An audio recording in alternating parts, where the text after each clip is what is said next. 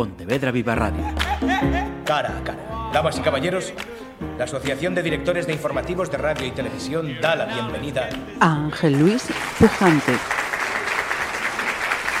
Tengo que decir, o, o, tengo que dar lo primero de todo, las gracias por poder tener a una persona como la que tenemos hoy en este cara a cara. Tengo que dar las gracias a un médico y ahora también ya escritor porque tiene publicados dos eh, títulos, el pontevedrés Manuel eh, Núñez Fernández, que mm, lo cito porque digamos que ha sido el mediador gracias a quien hoy podemos charlar con, le voy a poner el don, Ángel Luis Pujante Álvarez Castellanos. Bienvenido. Muchas gracias. Tenemos en el cara a cara nada más y nada menos em, que a uno mm, de los mayores investigadores, estudiosos de Shakespeare y aquí en España pasa por ver, yo he visto algunos titulares como el mayor. No es culpa mía. Será por mis pecados. Dichosos pecados, entonces. Licenciado en Filología Moderna, inglesa y, y alemana, doctor en Filología Inglesa, amplió estudios en Inglaterra Estados Unidos, ha ofrecido conferencias, eh, ha escrito artículos, libros dentro y fuera de España y dedicado la, la mayor parte de sus investigaciones a la obra de Shakespeare, de la que también ha sido traductor y ha sido Premio Nacional de Traducción por la versión en castellano de La Tempestad. Y en este caso tiene un guiño de más que luego vamos a, a desvelar. Y presidente honorario, casi me da un poco de pudor decirlo así con mi inglés teniendo, teniéndolo delante. European Shakespeare Research Association, o sea que sería una asociación europea de investigadores sobre el dramaturgo. ¿Cómo está siendo esta visita a Pontevedra? Lo primero que me decía antes de abrir micros que está repitiendo esta visita con su mujer después de haber hecho un viaje como este eh, en los 80. ¿Cómo está siendo ese, esa vuelta? Bueno, pues en esta ocasión es un viaje eminentemente turístico, uh -huh. de vacaciones. No vacaciones muy largas, va a ser casi una semana, pero nada más que eso, cambio de aires, eh, desconectar y en fin, de momento muy contento por todo lo que estoy viendo, oyendo, gozando, comiendo, paseando, tanto aquí en Pontevedra como eh, antes de ayer en Coruña y ayer en Santiago. Uh -huh. Y el lunes pues también estuvimos por Cambados, sí. Bueu, etcétera. Rías Baixas, o sea que están haciendo todo el recorrido de sí, arriba sí. a abajo, disfrutando de... De todo lo que da esta, esta tierra. Decía al, al comienzo, eh, pasa por ser el mejor traductor de Shakespeare a lengua castellana.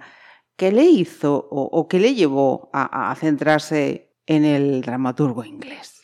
Pues le voy a contar algo que a lo mejor es inesperado, porque cuando yo saqué lo que ahora se llama titularidad de filología inglesa en la Universidad de Murcia, eh, yo quería trabajar especialmente sobre los dramaturgos isabelinos, no, no exclusivamente Shakespeare, o más bien los contemporáneos de Shakespeare.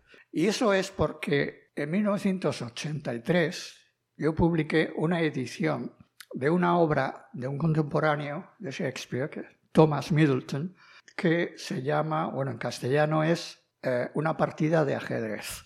Esta obra si me permite explicarse, ¿Sí? eh, me interesaba no como obra literaria de calidad, es una obra de circunstancias, es una sátira antiespañola. Toma. Sí, eh, que podríamos calificar de obra de guerra fría de la época de Shakespeare. ¿no? Y fue porque fracasó el intento de matrimonio entre el príncipe de Gales y la princesa María, hermana de Felipe IV.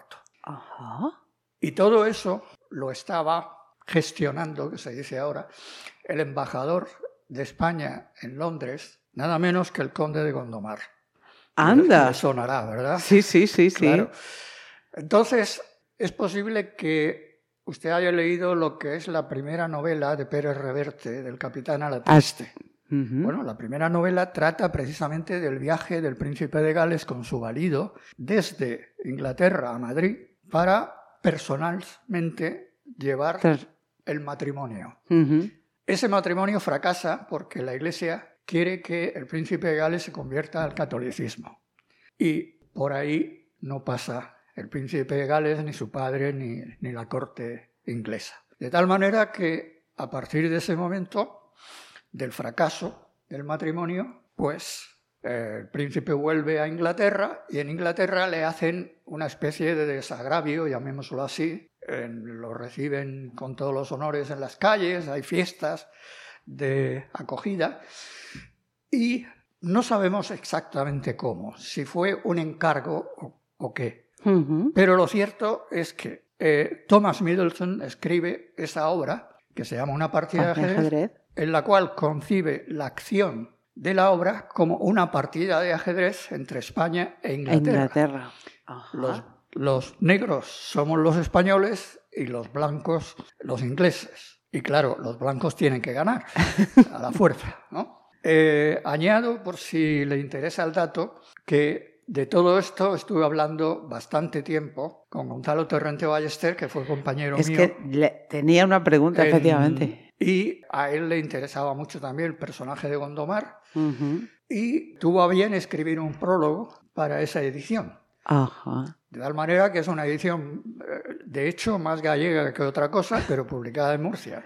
Y creo que está agotada, pero está en Internet. En fin, Ajá. Tomamos el nota. caso, sí, el caso es que era una experiencia que para mí fue muy interesante porque puse al, eh, al lector español en manos, eh, puse el, el- el hecho Sí, de la sí, obra sí. traducida, explicada, con todo el, el trasfondo y todo el contexto de Guerra Fría, ¿no? En manos del lector español y, en fin, la- di a conocer la obra. ¿no? Ujú. Y eso me llevó a, a querer continuar con el mismo autor, que tiene dos tragedias muy buenas y alguna comedia interesante también, y algún otro eh, dramaturgo isabelino. Le he dicho que eso se publicó en 1983. Al año siguiente, yo estuve todo el verano en Inglaterra Ujú. y hice un curso de teatro de Shakespeare en eh, Stratford, o sea, la cuna de Shakespeare. Como sabe usted, tiene un instituto y tiene eh, un teatro, ¿no? Y allí estuve haciendo un curso sobre Shakespeare, pero desde el punto de vista teatral. O sea, nosotros leíamos las obras como, como obras de teatro y luego íbamos al teatro. Ajá. Y entonces luego al día siguiente hacíamos un análisis, comentarios, etcétera, desde el punto De- de, vista teatral. Ajá. Ahí aprendí yo mucho. Y por si eh, faltaba poco, ese mismo verano pusieron por televisión británica un programa que se llamaba Playing Shakespeare, interpretando Ah, inter- a Shakespeare. Ujú. También eh, Shakespeare desde el punto de vista teatral. Teatral. Y ahí aprendí más todavía, si cabe, porque todos los que llevaban ese programa de televisión en nueve horas ¿eh? Caramba. eran actores de la Royal Shakespeare Company, nada menos. Y entonces estaban ellos estudiando las obras de Shakespeare, hombre, de una manera informal, si se quiere decir así, pero desde el punto de vista del recitado, de la actuación, etc. Ajá. De tal manera, eso no es lo que aprendemos en las universidades, en filología. Pero a mí me fue muy útil y me lo fue especialmente por la manera como explicaban el verso blanco de Shakespeare, a lo cual yo no le había prestado Atención. atención cuando traduje eh, una partida de ajedrez, porque para mí una partida de ajedrez era una obra, era un documento histórico y me interesaba traducirlo como documento histórico, Histórico. por lo tanto no me preocupé de traducir el verso como verso, sino como prosa. Y en cambio, cuando fui aprendiendo todo el funcionamiento del verso blanco desde el punto de vista del actor, para mí fue aquello una revelación. Y me dije, ¿por qué no pruebas a ver qué pasa con cualquier obra? Y, en fin, estuve meses eh, probando porque en castellano no tenemos exactamente nada igual al verso blanco. El verso blanco es eh, sin rima, Sí, sí, sí, sí, sí. pero con la parti- particularidad de que en inglés son 10 sílabas. Entonces el equivalente sería el endecasílabo castellano. Pero si uno quiere traducir el verso blanco, un, uno, por un endecasílabo se encuentra con que, primero de todo, las palabras inglesas son más cortas, no cabe. Total, que después de muchas pruebas yo llegué a la conclusión de que lo mejor sería lo que llamamos también verso libre, Sí. que puede ser de 11, puede ser de 12, según vaya saliendo, pero eso sí, manteniendo un ritmo Ajá. lo más regular posible. Eso quizá pueda parecer que es una solución cómoda, pero quien lo ha practicado sabe que puede ser más difícil todavía que eh, versificar en Ah. un molde fijo, Sí, sí. sea sí. el molde del endecasílabo, del alejandrino, del octosílabo, del que sea. Total, que después de hacer una serie de pruebas a lo largo de seis meses o algo así, pues llegué a esa conclusión y me propuse hacer a mi vez pues unas pruebas con una obra, Coriolano, fue Coriolano la primera. En aquel momento tú no podías decir yo quiero traducir Shakespeare, eso son palabras mayores. Entonces yo presenté un proyecto en mi universidad, le propuse que empezáramos con Coriolano, que la tenía ya empezada, por supuesto añadiendo un- una introducción amplia, porque era una publicación universitaria, ¿no? Ujú. y salió bien, tuvo cierta repercusión en medios, por lo menos filológicos, ¿no? Eh, universitarios, y entonces pasé a una segunda, que fue Julio César, luego pasé a otra, esta vez una comedia, El Mercader de Venecia, Ajá. y eh, después fue em, Otelo. O sea que la Universidad de Murcia me publicó cuatro. Y en ese momento eh, me llamaron de, plan, eh, perdón, eh, Spasa, porque querían renovar su Shakespeare en la colección austral. Ajá. Y se habían enterado de que yo estaba con eso. Con esas sí, publicaciones. y sí, me sí. propusieron continuar. Y así es como ocurrió. Como o sea, que en- me encontré con la cosa relativamente fácil, en el sentido de el problema que tienes al principio es el de publicar y publicar de una manera que encaje bien en la doble faceta de traducción, pero también de profesor que quiere explicar la obra, la introducción, etcétera. Entonces, eso mm, tuve suerte porque precisamente en Austral les pareció muy bien que yo pudiera eh, escribir un- una introducción de 20, 30 páginas sí, sí, incluso. sí. Y bueno, las, las traducciones pues iban bien, de tal manera que nos propusimos, un, por supuesto, las cuatro obras ya traducidas Ah. se publicaron en libro de bolsillo de, de Espasa, de Austral, y a partir de ahí pues siguieron Romeo y Julieta, Hamlet y, y otras, hasta creo recordar que fueron 14 en un principio. Y eh, llegados a ese punto, pues ya fue cuando nos planteamos continuar con algunas más. Y luego ya, claro, pues estaba uno ya embalado con esto y, y había que seguir. Lo que pasa es que yo no he traducido todas, las 37 no. Las 37 no porque se acer... Bueno, quizás sea esta la explicación, que se acercaba el centenario de Cervantes y Shakespeare y convenía tener todas traducidas. Entonces recurría a la ayuda de dos traductores de Shakespeare, uno mexicano y otro catalán, que habían Ujú. traducido Shakespeare allí en México y En Cataluña. en Barcelona.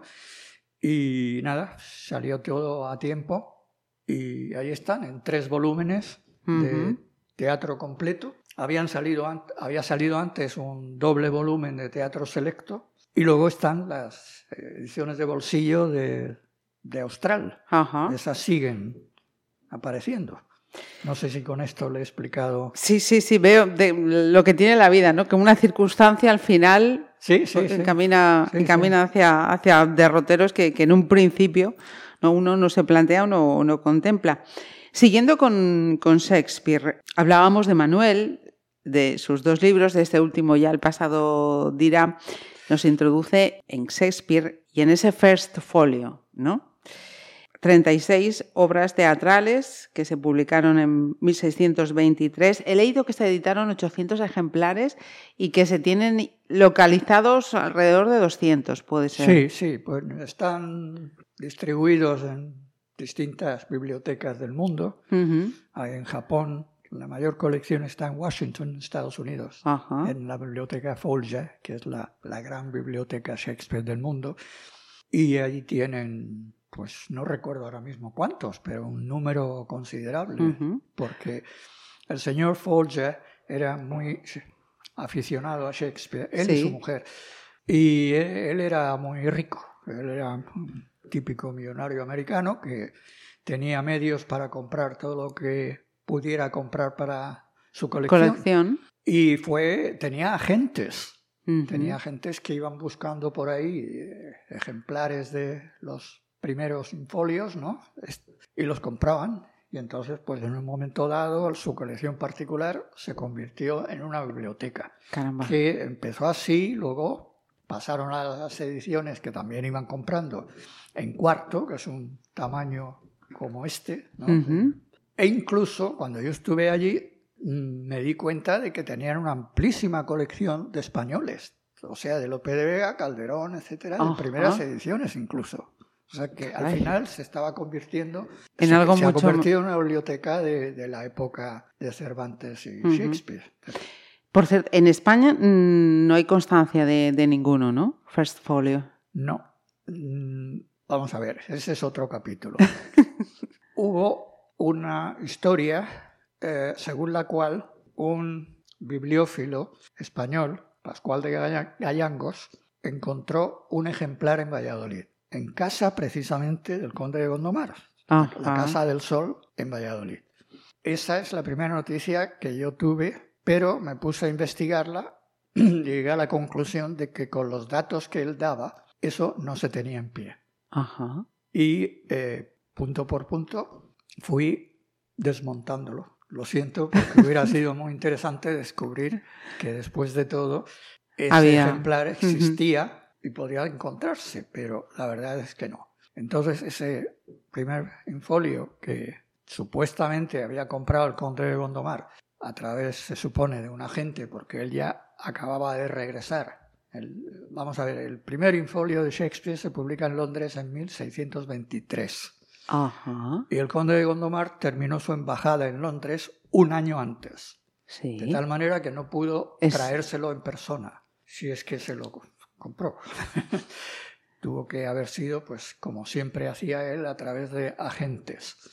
Pero, como digo, mm, con la información que dio este señor que dijo haberlo encontrado, pues no puede uno aceptar tan fácilmente que eso existiera. Ahora bien, hay otro que no es un primer Ajá. folio, sino un segundo, que también estaba en Valladolid. Y este está ahora en la biblioteca Folger, que le he dicho de Washington. De Washington. Porque eso estaba en el Colegio de Ingleses de Valladolid, el Colegio de los Jesuitas ingleses. Y en 1928 ese ejemplar se vendió a esta colección. Se vendió para... Y ahí está.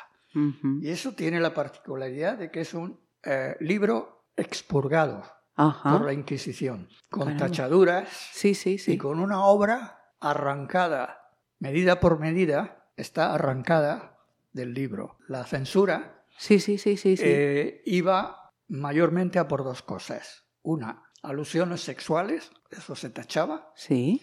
y otra, eh, alusiones en favor, que, que pudiera entenderse como que iba en favor de la iglesia Es de religiosas. Sí, sí. o a Isabel, a la reina Isabel, o algo así. Ajá. Entonces, todo eso tachado. Pero claro, cuando llegó a medida por medida y se encontró con madre soltera y un, un cambio de cama con truco, y dijo, eso es demasiado, y se ve que pensó, pues más vale arrancarlo todo que ir tachando verso por verso. Y ese ejemplar, como digo, tiene el gran interés de que, o cómo pensaba un sacerdote inglés, no español, Sí. católico, por lo tanto, representante de la Iglesia Católica, ante la obra de Shakespeare. Es el primer testimonio de la Sí. Iglesia Católica frente a la obra, A la de, obra de Shakespeare, con reacciones. No es, evidentemente, un tratado, ni un Sí, artículo, sí, ni un sí, sí, ensayo, sí. pero ahí puede uno ver lo que va tachando y tener una idea de qué es lo que llamaba la atención del censor. De la... Ujú. Ese sí que estuvo en Valladolid. Ajá. Hasta su venta en 1928. Que marchó a, a Washington. Sí, lo vendieron. Quería hablar de hipótesis. Hipótesis sobre la presencia de Shakespeare en España e incluso la posibilidad de que pudiera haber coincidido con nuestro Cervantes. ¿Y en qué nos basamos? Ese es el problema, que no hay un solo documento que diga que Shakespeare vino a España. ¿no? Vale. Y, esa hipótesis de que Cervantes viajó tampoco, porque he leído que a través eh, de un... A ver, que, que sacó la, chuleta.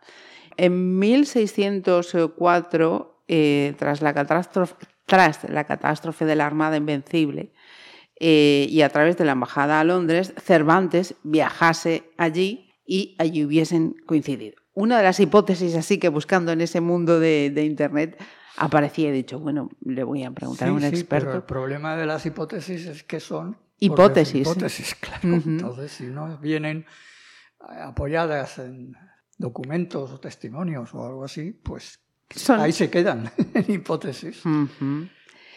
Y he visto también que estamos celebrando el 23 de abril como Día Internacional del Libro, porque en teoría es la fecha en la que eh, fallecieron ambos, y resulta que no. No, la fecha en la que fallecieron ambos, sí, la fecha, pero no el día. Ajá. por los calendarios juliano y gregoriano distintos. Hay una diferencia que creo que es de 11 días, ¿no? Pues Sí. entonces, no, no murieron el mismo día, aunque sí la misma fecha.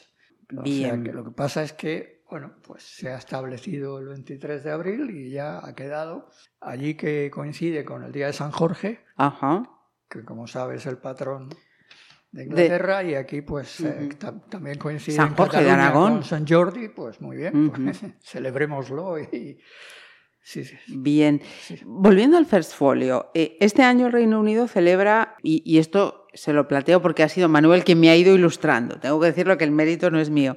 El Reino Unido celebra esos 400 años de su edición con distintos eventos, eh, convocatorias. Mm, ¿Aquí en España también se está dando la relevancia a este aniversario No, o está ni pasando...? mucho menos y yo siento que lo que se ha hecho ha sido bastante limitado. Vamos a ver, en el siglo pasado hay un intento de una celebración conjunta y hay toda un- una iniciativa diplomática para que España e Inglaterra celebren conjuntamente Cervantes y Shakespeare en 1916. Ajá. Pero como usted sabe, en aquellos años se está librando la Primera Guerra Mundial. Y entonces España se declara neutral y sea por indiferencia o por lo que sea, deciden no asistir a, los acontecimientos, a las celebraciones. De tal manera que al final no se celebra nada conjuntamente, o lo que se celebra es mínimo. Lo que se celebra al final eh, es, eh, a la vista de lo que ocurre, la Real Academia Española eh, promueve un concurso que se va a llamar La presencia de Shakespeare en España eh, o en la literatura española, no recuerdo bien el título. Pero bueno, la idea es Shakespeare en España y quien quiera que concurse y el que, lo, el que gane el premio se le publica. Ajá. Y ahí- de ahí no pasa apenas. Sí, sí. Pero por lo menos hay un intento, ¿verdad?, de, De hacer algo. de hacer algo conjuntamente. Cuando llegamos a 2016, ¿qué se celebra en España? Prácticamente nada. Hay un día en el que en el Congreso se va a recordar a Cervantes y Shakespeare y, y por lo que yo vi, más valdría que no hubieran hecho nada porque hubo algunos momentos en los que algún que otro periodista y algún que otro observador lo, lo- lo llamó payasada y no estuvo tan lejos de, de ello. Y es una pena porque se hubiera podido hacer más cosas, ¿no? Desde luego eh, los periódicos sí le dedicaron alguna página y tal, pero en fin, no fue lo que creo yo que debería haber sido. Merecía. Y se lo digo porque además yo cuento con un elemento de contraste, que fue lo que pasó en Argentina. Yo fui invitado Ajá. al Senado de Argentina. El Senado organizó una semana Shakespeare Caramba. allí. Fíjese la diferencia. Y además, pues todo, eh, conferencias, música isabelina, yo qué sé, toda una semana entera. En fin, eh, así pasó. Sí que es verdad que en ámbitos universitarios la cosa cambió un poco. Por ejemplo, hubo a la Universidad de Oxford, sí que hubo, y yo fui, un, un encuentro Shakespeare-Cervantes, y allí fuimos eh, varios shakespearistas españoles y acudieron hispanistas ingleses. sí. Fue un cruce muy interesante. ¿Qué hay en qué momento está? Y esto también me lo filtró Manuel. Me dice, pregúntale en qué momento está eh, su trabajo de recopilación de sonetos de Shakespeare. ya se ha enterado. pues está, es un proceso, le adelanto que es un proceso muy lento, porque Shakespeare escribió nada menos que 154. Ajá. Es un número muy alto. Y naturalmente, si uno quiere traducir los sonetos en prosa, yo le hago una traducción ahora en media hora o menos de cada uno. Y casi a ojo, porque primero de todo los conozco, los he enseñado, etc. Pero cuando uno se propone traducirlos como tal, como sonetos, la cosa cambia. Ajá porque de un soneto, recuerde usted el soneto de Lope de Vega sobre cómo se hace un soneto. Un soneto me manda a hacer violante que en la vida me he visto en tanto aprieto. Y termina el primer cuarteto diciendo ya está el primer cuarteto. Bueno, pues eh, ese es un soneto italiano. Pero Shakespeare y sus contemporáneos escribían un tipo de soneto diferente, es decir, de 14 versos también, pero con otra estructura. Siempre recuerde que es una estructura cerrada, muy cerrada, porque tiene un argumento que se va desarrollando, se plantea, se expone y concluye. Pero en un soneto inglés eh, el argumento se va desarrollando en tres cuartetos y un pareado final, por, por definición rimado. Sí. Entonces, mantener todo eso con sus rimas y en endecasílabos, que es el equivalente, eso es más difícil de lo que parece. Eso no sale a la primera. Eso hay que estar dándole, dándole hasta que salga. Si sale, si no, pues ya veremos. lo que queda. Claro. Entonces, eh, yo inicié eso. Mm, fíjese, por mi primera traducción de un soneto de Shakespeare no fue de la colección de los 154 fue en, en, Romeo y Julieta. Por Romeo y Julieta tiene tres sonetos. Ah. Y lo primero que uno ve cuando abre la obra es un soneto. Y el soneto actúa como un prólogo. En Verona, escena de la acción, dos familias de rango y calidad renuevan viejos odios con pasión y manchan con su sangre la ciudad. Ahí tiene usted mi traducción de un primer, del primer cuarteto. Bien, así hasta el final y termina diciendo, si escucháis nuestra obra con paciencia, nuestro afán salvará toda carencia. Bien, esa es mi traducción de lo que hice en el año 94, creo recordar. Es decir, ya desde el primer momento, aunque la obra, las obras dramáticas no están en rima, ocasionalmente sí, pero ocasionalmente. Sin embargo, allí en Romeo y Julieta Shakespeare había insertado tres sonetos. Al principio, en medio, no olvidemos la declaración de amor de Romeo y Julieta, eso es un soneto, seguido de una sextina, si no recuerdo mal. Y luego, a mitad de la obra, eh, cuando ya ha pasado lo, lo primero, viene otro soneto explicativo. Hasta aquí hemos llegado y a partir de ahora va a pasar esto otro. Entonces ya ahí me, tuve que enfrentar a, los tres sonetos y decidí a traducirlos como sonetos. ya tenía la experiencia de cómo podría hacerse y de cómo lo hice. Entonces, no era la primera vez cuando empecé a hacerlo. Y la segunda era por una invitación de la Fundación Juan Marc en Madrid. Porque en el año 9, es decir, en 2009, se celebraba el aniversario de la publicación de los sonetos, 1609. Entonces, ahí quisieron celebrarlo también, con una, dos conferencias, vamos, una conferencia propiamente dicha y luego una lectura de sonetos en español, ¿no?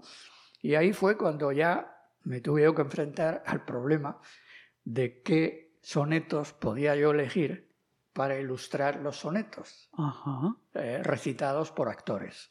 Entonces ahí, evidentemente, en el tiempo que me daba la fundación para preparar todo esto, yo no podía, eh, si iba a seleccionar, que parece que fueron 12 o 14 o algo así, sonetos, yo no podía traducir eso en esos meses, ni hablar. Inabarcable. tuve que recurrir a una traducción de un argentino, que me pareció muy buena, y eh, cuando en algún punto vi que era demasiado libre, pues la corregí y así lo expliqué, ¿no? Pero eso también me dio, me proporcionó otra experiencia de traducir los sonetos. Y a partir de ese momento pues lo que ocurrió fue que todo el mundo me decía, pues tienes que seguir. Y digo, sí, pero ahora lo que tengo que hacer es terminar las obras dramáticas. Tengo que seguir adelante con mi proyecto de Shakespeare en España y en Europa, etcétera. Y ya no puedo, no doy más de sí. Entonces, entonces eh, en este sentido, lo tuve que ir aplazando. Y cuando me jubilé ya la cosa se tomó otro cariz. Otro cariz. Y entonces, eh, en ese momento, pues ya me lo planteé y en eso estoy, pero, pero voy lento, ¿eh? Voy lento y va a tener que ser, con suerte, una primera publicación, si la editorial o la editorial que sea le parece bien, una selección. Ajá. Y ya veremos después, porque uno no tiene ahora 40 años. Entonces... Pasito a pasito. Pasito a pasito. Todo. Decía al principio también otras de las referencias que hacía en alusión a ese Premio Nacional de Traducción, que resulta, yo tengo que decir que también lo desconocía, y Manuel una vez más me, me dio el dato, lo recibió aquí en Pontevedra. Ni más ni menos. Así fue, en el Parador. Caramba. Sí, sí, sí. Todos los premios de literatura de ese año se entregaron aquí el parador. ¿Cómo recuerda aquel? Sí, sí, fue porque parece ser que Rajoy así lo quiso, o al menos es lo que él me dijo. Sí, sí, sí, sí. Estamos hablando del 98. Sí. Y vamos a dejar eh, descansar un poquito a Shakespeare para irnos a otro nombre que usted también nos ha avanzado, que me produce también mucha curiosidad e interés. ¿Cómo conoció y tuvo esa amistad con Torrente Ballester? Porque yo, antes de ser profesor universitario, fui catedrático de instituto. Y era muy joven yo entonces, saqué la cátedra y elegí Salamanca. Entonces me fui a vivir a Salamanca. Y dio la casualidad de que Torrente había en ese momento. reincorporarse a su cátedra y eligió Salamanca. Y coincidimos en el mismo instituto, de tal manera que desde el principio nos conocimos. Yo había ya leído alguna obra suya, pero en fin, ahí lo tenía delante. Y creo que tuvimos una buena relación. ¿Cómo, cómo era Torrente? ¿Cómo lo recuerda? Pues eh, mi impresión es gratísima. Es decir, eh, era una persona que una vez que te conocía y si veía que podía hacer buenas migas contigo, era un buen amigo, un excelente amigo. No puedo decir otra cosa. Yo además fui mm, bastante amigo no solo de él, sino de la familia, de los hijos. Algún, no recuerdo cuántos, sabe que tenía siete hijos. Pues, yo creo que casi todos eh, estuvieron dando inglés conmigo, fueron alumnos míos. Alumnos allí En, el Instituto Torres Villarroel de Salamanca. Sí, sí. Y claro, mm, lo que ocurre es que luego me trasladé a Murcia, saqué la titularidad en Murcia en la universidad y entonces alguien me pidió que le pidiera que, ya que venía a dar una conferencia a la caja de ahorros, a una de las cajas de ahorros de allí, a ver si podía dar una conferencia, una charla o lo que fuese en la universidad. Yo allí actué de mediador y a partir de ese momento mm, Gonzalo Torrente vino varias veces a Murcia a la universidad ya directamente con el catedrático de literatura española allí. Y luego incluso creo recordar que vino a tomar los baños al balneario de Archena, estuve con él también allí, tuve una semana, y nos hemos, no, nos veíamos con bastante frecuencia, nos llamábamos, etc. O sea que tuve muy buena relación con él. Aquí en Galicia llegaron a coincidir. Sí, eh, de hecho, mm, cuando vinimos en esa primera visita, que no fue mi primera visita a Galicia, fue mi segunda, a Pontevedra, fue porque él me lo sugirió. Ah. Es decir, yo le dije, quiero mm, volver a Galicia, había estado en Santiago en el año 79, y entonces eh, le dije que quería venir y quería venir con mi mujer, quería que mi mujer conociera Galicia, que tenía muchas ganas de verla, etc. Entonces me dijo, pues nada, eh, mi consejo es, em, alójate en un hotel de Pontevedra y como tienes coche, pues desde allí te vas a Pontevedra como base de operaciones y ya puedes ir donde quieres. Y efectivamente así fue. Y un día o dos, ya no recuerdo, Bajamos a Bayona, porque él estaba de vacaciones allí en, en la Ramallosa, y allí en un café tenía una especie de tertulia con alguien de Vigo y un gallego también que trabajaba en Lisboa. Y había traducido a Pessoa del portugués. Del portugués. regaló sus traducciones. Pues de modo que sí, que, que también coincidimos aquí. Y fue por él todo eso de, de Pontevedra. Caramba. Y ahora otra vez. Caramba, caramba, caramba. Tal vez no por él.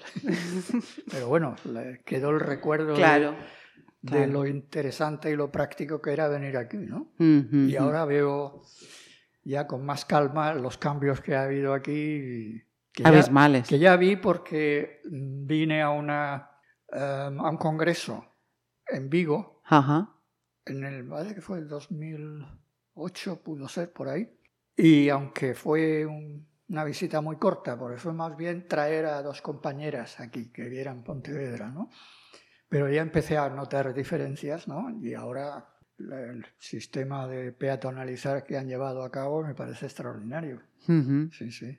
Sí, sí, no, la ciudad está dada la vuelta total, totalmente. Y además parece que muy consolidado, ¿no? Sí, sí, sí, sí, sí. Da la impresión de que ahora la gente no querría cambiar. No, fue un cambio que en, un principio tuvo muchas eh, reticencias, incluso más que reticencias, eh, con mayor o menor grado desde unos sectores u otros, pero a día de hoy, a pie de 2023, ya es mm, sin vuelta atrás, sin duda alguna, y sirviendo además de modelo y referencia para muchísimas ciudades dentro y fuera de España. O sea, que tiene, tiene su enjuncia y su mérito. Pues, eh, don Ángel, de verdad, agradecidísima, agradecidísima, pero infinitamente que nos haya hecho este hueco en esta, en esta semana vacacional aquí en, en Galicia. Eh, gracias a Manuel, tengo que, repetirlo, mm, por, esa mediación para que pudiera estar aquí con nosotros y siempre bienvenido. Muchísimas gracias, volveré. Pontevedra Viva Radio. ¿Me permiten que les haga un comentario como espectadores del programa Cara a Cara?